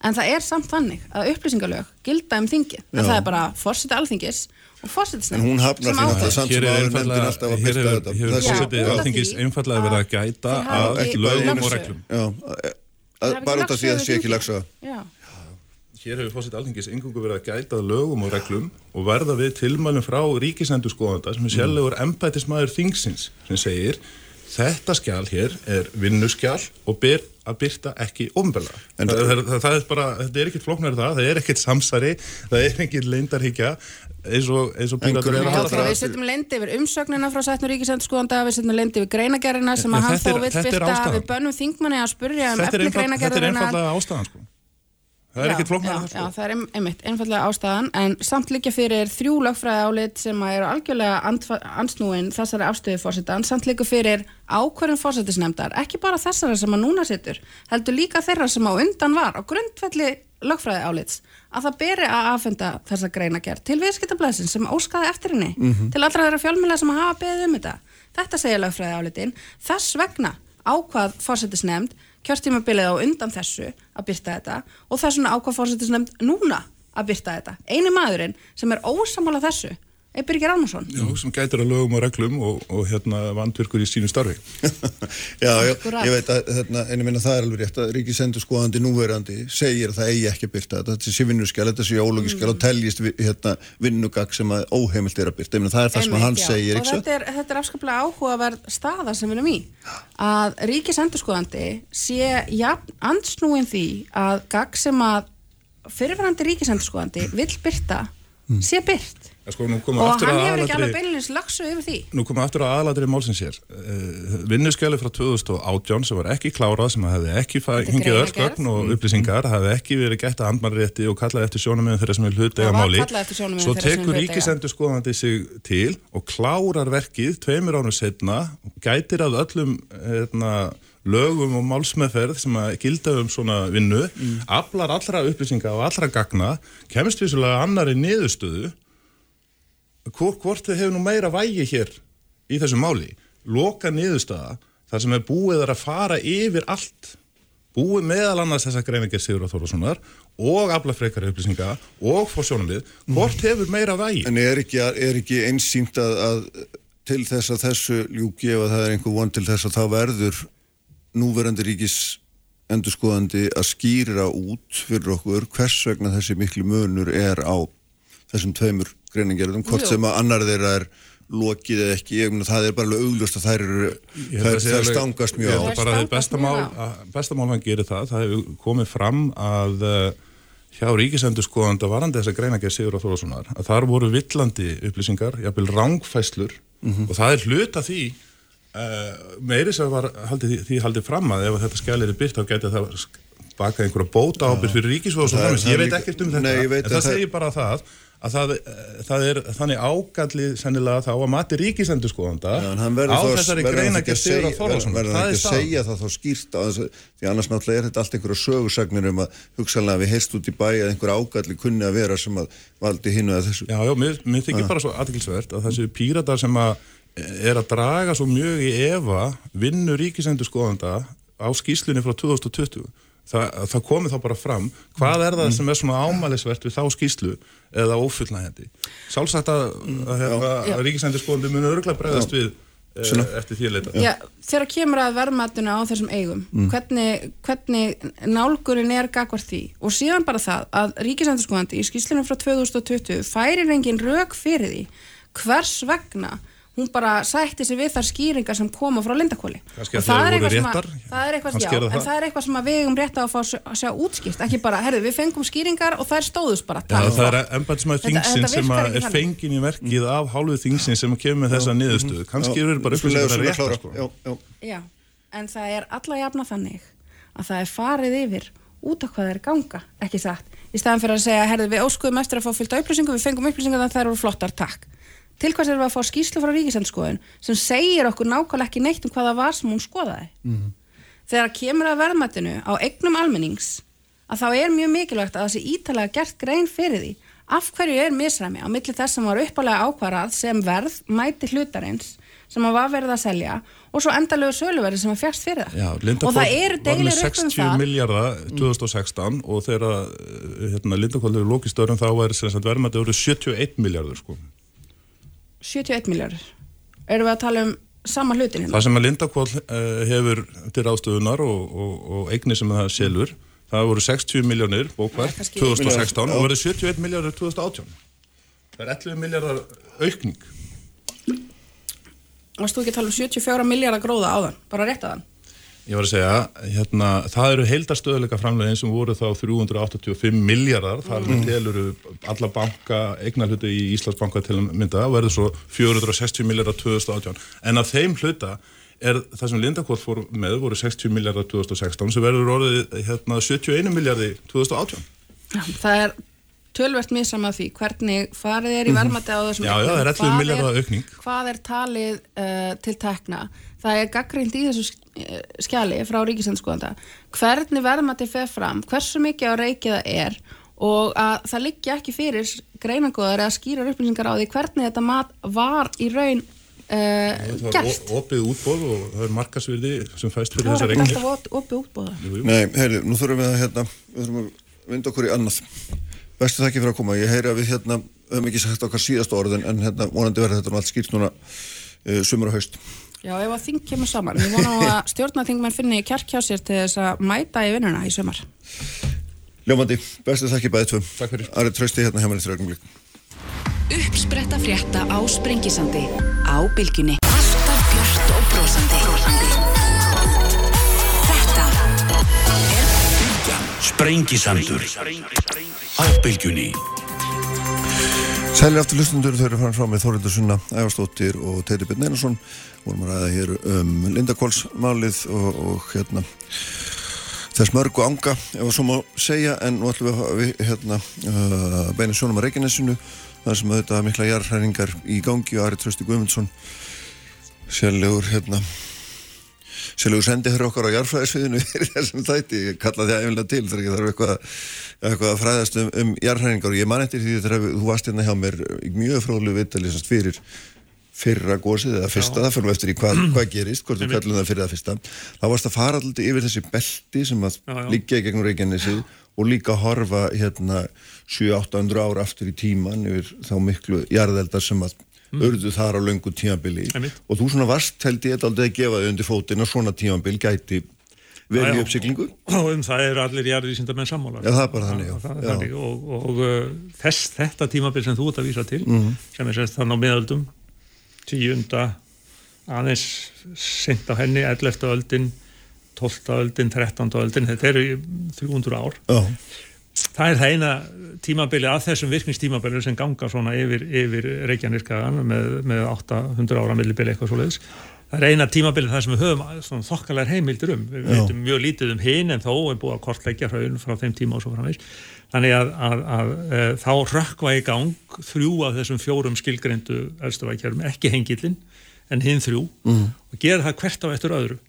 Byrja, byrja í brennisturfjöldum, byrja austast og svo færist virknin í hinn tvö og endar uh, á uh, 13. öld uh, í því kerfi sem við köllum gæla Reykjanes kerfið og uh, þetta eru allmörg elgós, þetta eru, eru frekar svona temmileg, raun á reyndar í sjófram, bæði sunnavest á skaganum og norðavest á skaganum. Þannig að, að eh, þegar við erum svo að reyna að gera okkur í hugalund, hvað gerist núna, þá hefur við þetta.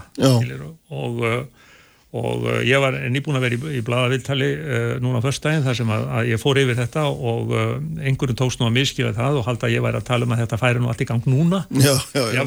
Jú, jú, en ég var ekki að því. En uh, þetta er ekki svo sem neitt sérstaklega glæsileg framtíðasín þegar við vitum í raun og veru ekki hvort þetta verið nákvæmlega eins núna en það er ekki sama virknissvæði að þetta í gang núna. Nei. núna er það svæði einlega númið tvö það þannig eftir í hvernig við skilgreinum. Það er aðeins svona vandamál með að skilgreina mörk þessara kerfa. Eh, þannig að og, og einnig líka kannski uh, kvikan að koma af sennilega dý, meira dýpi heldur en var þá. En þessi tvö elgó sem hafa orðið núna þau eru svona eins og ég segi temmileg líka Já. på dansk. Og, og það sem er einkennið þau er það sem sagt að, að uh, fyrsta gósið framleiðir eitthvað tiltekið magna kviku. Næsta gós færi sér norðaustar og framleiðir meira kviku uh, sem sagt þá er ég bara að tala um per mínútu í upphafi og eitthvað slíkt. Og núna er þetta virkningssvæði komið enn norðaustar og uh, gangurinn sem við kallum kvikuhulta sprungan þannig að hún er öflug og uh, er á svæði milli meradala góðsprungunar og keilis og hvar sem er á því svæði getur uh, núna uh, komið upp elgós á sprungu sem gæti verið svipuða lengt eins og heinar, það eru 200 metrar og 300 metrar, getur líka verið lengri Mm. og þá er bara spursmál hvar þetta verður nákvæmlega, hversu öflugt er gósið upphafi, hversu lengi stendur það, dregur það sér saman eins og, eins og uh, gerðist í meradalagósinu mjög hrætt, þannig að það stóði þrjár vikur, Já. var það orðið bara í miðju gósbungunar, eða gerir það eitthvað svipað og, og gældingadalagósi það sem gósbunga mann smá saman að lengjast já, já. og færast mikið til allt þetta, já, allt þetta er mögulegt. Já, hvað, allt er mögulegt en hvað er líklegast? Þetta er nú spurning sem ég er náttúrulega, maður hefur heilt á margarinn að hoppa ég, undan, en hvað, hvað, að því að gæri og satt mjög líklegt að vera gjósi, svo er það svo kemur fyrirsaklega enn líklegt að vera gjósi og þetta er svona já, já. flígu fram á þetta. Það er þetta að giska á staðin, það er þetta að giska á að þetta verður nú kannski svipað og mm. síðustu tvö gós svona ekki, ekki mjög öflugt og ekki mjög löng góspunga, en það er raun og verið ekki þetta fullir að neitt. Það eina sem að við höfum fast í hendi er það að, að, að kvikan hún er komið mjög grund eh, menn segja nokkur hundru metra og uh, það sem að er grunnsamlegt er það að eh, tíðir smáir skjáltar eru á litlu dýpi og svo koma stóri skjáltar inn á milli, gefna hann svona gikkskjáltar mm. sem eru til hlýðar sem að sínir að, að, hún, er að hún er virkilega að þrýsta á þessi kvika mm. Þannig að, að ég slæst í hóp með þeim sem að segja einfallega að það er mjög líklegt að það verði gós eh, innan einhvers skamstíma, við getum satt 24 stundir, 48 stundir, það getur gerst núna með að við erum að tala. Já, segja, sko. Þannig að ég myndi segja að, að, að eh, það væri mjög ólíklegt ef að þetta hættir. Já. Að þeim, við getum kallað að kveikurhlaupum sem hafa orði núna, þau eru fjögur áður en að þetta kemur til, þá hafa tvö stöðvast á þess að kveikan kemur upp, en tvö enda þannig að kvikan kom upp Já. Og uh, það verður alltaf að reikna með öllu möguleikum þegar ég svona ekki að tala, annars er það rótni spáminn það er ekki, ekki, mjög, ekki mjög kannski gott. En, en, en uh, aðalega þá held ég að, að við þurfum að taka á því sem að höndum ber og það er þá hægt kannski að gera einhverjar ástafanir það fyrir eftir í uh, hversu langætt þetta góðs er vegna þess að bæði Reykjanesbröðin og Suðurstandavegu geta verið í hættu og þá er kannski hugsanlega hægt að beina raunin eitthvað til það frá en mm. þú getur ekki stöðva raunström eða þessar kælingar eins og voru í, í Vestmanniðum þær eru ólíklegar eh, einfallega vegna þess að þetta er svo langt frá sjó og þú verður að hafa gríðalegt magn. Það voru 50 risa dælur í gangi þegar mest var í Vestmanniðum þannig að hérna ég, ég held að við þurfum bara að taka því sem höndum ber og svo horfa til langar framtíðar að við erum komin inn í, inn í tímabil sem að nokkra kynnslóðir geta þetta kljást En þess, þessi tímanbyrð sem það lýsa fyrir þessum já, bara við tala um? 1000 uh, til 700 árum eitthvað svo leiðis mm. uh, þetta, þetta engjernist af svona tíðum gósum en e, það er rétt skil í það ekki þetta er alltaf svona frekar smávægileg gós svona, Nei, já, er eftir, þetta er svona alveg upp í meðal gós 30, 30 ferrkilometrar hraun en ekki 5 ferrkilometrar og, og, og uh, þetta eru tímabili í hverja þessum þremur elstafækjörnum sem annar bár fór í gang. Eru svona nokkrir fáinir ára týjir skulum við segja mm. það, sem, það sem virknir aða sér innan. Og hún er gætnan að geta sig hægt og rólega frá söðvestri yfir í norðaustur til dæmis á, á 12. öll þá byrjuðu góðsinn eh, bara niður undir Suðustrandavegin eða Ámyndarhaun Móhálsradal sem er mjög sunnalega á skaganum mm -hmm. og svo endaði, enduðu góðsinn upp við Helgafell við Hafnarfjörð þannig að, að það tók 30-35 ár uh, eh, góðs á Reykjaneska byrjuðu út í sjó og það var það sem ég ætlaði að koma að, að, að þá gauðs uh, á, á sem snemma á 13. öll gauðs út í sjó Já og alveg framundir 1226 mm. og þá var törlut öskufall því að þá náttúrulega verða, verður gjóskúkos og það öskufall eh, til dæmis eitt sem var þá í kringum 1226 það sést til þess allstar á Suðvesturlandinu altså öskulagsins mm. og þetta getur auðvitað gæst og þessir skjálta sem voru út við eldei núna það er, hefðu geta bent til Eh, Elgó sem gera það nú sennilega ekki segja, segja, segir veiðastofan þannig að, að eh, þessi gós eru leiðileg og, eh, og auðvitað getur þetta verið svipað en það er alltaf möguleiki á að, að, að jarðeldurinn hægir sér öðruvísi en maður getur já, já. best séð.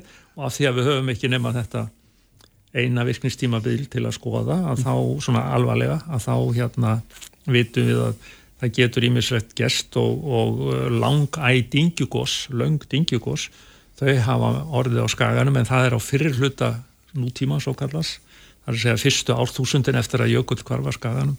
Svona nokkur árþúsund þá, þá örðu dingjugós á Reykjanes skaganum og það eru mjög stór raun mm. þetta fræga kvassarraun það er, það er tengt við hrútagjár dingju sem var 5-6 þúsund ára gömul.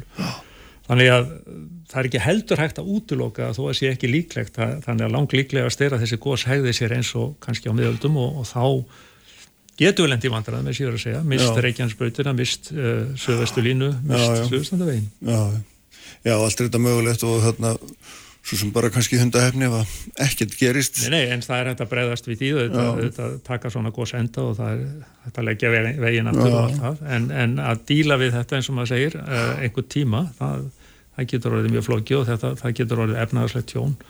Uh, og uh, ef maður er jarfræðinni trúr, þá gæti það þetta verið að þetta er það óvenjulega stutt svona óróa tíma til, kannski einu öll í staðin fyrir þrjár skilur við, þannig að, að, að, að þessar spekulasjónir uh, draga okkur lítið. En, en núna þá uh, er mikilvægt að fólk sé ekki á ferli já. á keili eða í nánd við keili eða mm. í nánd við meradalina uh, sérst norðalinn þá. Uh, og uh, skjáltarnir stóru sem eru til dæmis núna bara í gær stór skjálti á klefasvæðum, það er hundi á veginn. Já, já. Og þannig að fólk verður að fara mjög varlega. Það er líka mjög mikilvægt og ef það verður gós að, að taka til í til þess að það verður lengra þessum góðstöðum heldur en hinnum Já, já, nákvæmlega, en núna erum við blessanlega, komin í betri æfingu við að stýra þessu heldur en heldur en í upphafi, já. það er, hérna, það er til betri áallanir trúi og, svona já, menn já. vita betur hvað, hvað er að gera. Og svo er bakgrunnsháaðinn sko. Það eru stóru elstöðvarnar að, að bæði að kalla og hekla og grímsvött og Barðabunga og Askja, þetta eru þá fimm ef ég sleppu þér af að jökli, þetta eru þá fimm stórar megin elstuðar sem allar hafa verið að sína einhver merki um Já, ég maður, þú, þú komst hérna einhver tíma náðast að, að fjallum þetta það var allt í burðaliðnum í Já, og í svona... þessi burðaliður hann getur verið orðið langur vegna þess að, að eigafjallega ykkur skosinu þá voru þetta millir 15 og 20 ár mm. sem að, að eigafjallega ykkur síngdi einhver ummerki og það var landris og svo framvegs ánga til langa viss. Katla er búin að vera þessu ansi lengi. Hekla er komin tíu ár fram yfir síðasta góslja Uh, Katla uh, er yllvík eldstöð uh, aska getur, aska getur orðið og bárðabunga alveg klárlega. Já, já. þannig að, hérna, að hvernig sem við lítum á þetta þá, þá hérna, erum við ég var að segja fangar hér á vissan hátt í þessu umhverfi. Já, við erum allavega hérna flúið, þetta fáum ekki flúið, það er, það er hérna, það hefur verið þannig tímanbel kannski svona, ég veit ekki síðustu hundra ára, neða svo þetta hefur við að gósið en, en einhvern veginn svona daldi orðið fjarlægt í hugum nútíðamannsins að þetta geti verið einhver ógn sko. Já ég, ég Þetta er ég að gleyma Vestmanni Horfinn út í sögunar og, og oft hafa menn minnst á skaftárelda og já, já. þessi stóru sprungugós elgjárelda sem voru ennú stærri við orðum það svo en skaftáreldar á, á tíundu öld þannig að, að hérna, það er, það er áhætt að búa hér og uh, í, í, í viðbót við eldgós og jarðskjáta þá er þetta skilgreina miskusti tíu aðra tegundir náttúru ár á Íslandi.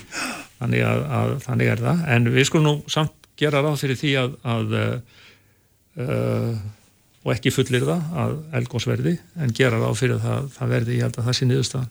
Já að hérna, sé, sé óhjókvæmilegt en sko þú varst í manna varst einhvern mann ekki hvort það var fyrir að senda góðs það varst að velta mikið mitt fyrir þér hvort að hérna, hvort að kynni hvað gerast undan strandinni það er allt saman miklu ósennilega núna heldur en það var alltaf tíanbili manni og sko, það eru engar góðsprungur við endan á þessum eldstöðakerfum út í sjó. Nei nema uh, Reykjanesinu það, það sem er vittinnes það, það nemur raun og veru norður allarsvarsigurinn glínuna svæði stóra það nemur við land þar. Mm. og uh, þar úti hafa verið mörg elgós um tíma, þar myndaðist með þess að eigi árið árið uh, 1783 minnum að það verið og kvarf aftur, svona eins og sörst seg bara hún var ekki með raunni á kollinum og 1926 minnum ég að þá hafi uh, sá uh, sjómenn bæði uh, olgu í hafinu, gufum ekki og fljótandi ösku.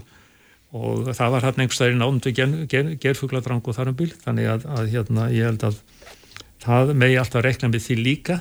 En svo ég bara endur tæki að, að, að uh, ólíklegt að fleiri en eitt eldstöfakerfi vinni saman. Já.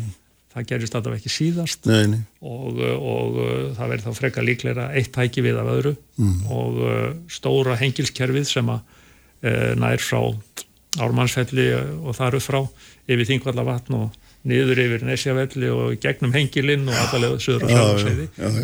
það hefur ekki hreift sér í 2000 ár Nei. og er ekkert á leiðinni þanga núna en, en í þessu stóra virkningstímabili sem eru þrjára aldir ef við reiknum með því eins og síðast þá gæti hann gert það.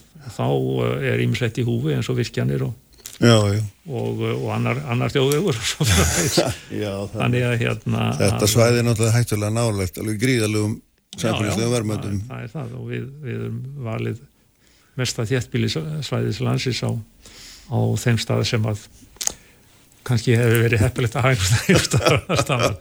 En, en þetta er nú uh, framtíðar pælingar Já, sem hérna, menn verða að Já, já. umgangast valega Já. En það er svona, hérna, það er svona þitt mat að, að það muni eitthvað gerast. Já, eins og ég segi, ólíklegt að þetta hætti svona Já, um mitt. Guð var ekki upp. Ari Trausti, takk fyrir að koma eins og alltaf og hérna fræða okkur um þetta og sjá hvað hérna hvort við þurfum að sitja hérna aftur viku, það kemur í ljós. Það kemur í ljós. Bestu takkir. Og við verðum að láta sprengisandinum uh, lokið í dag. Ég veit að við Haldursson stýriði útsendingu eins og hann gerir alltaf. Allt efnið getur við fundið á vísi.is og bilgjan.is og í bilgju appinum svo hvar veitna það sem að hlaðvarp minnst og svo erum við með ykkur til aftur eftir viku. Verðið sæl.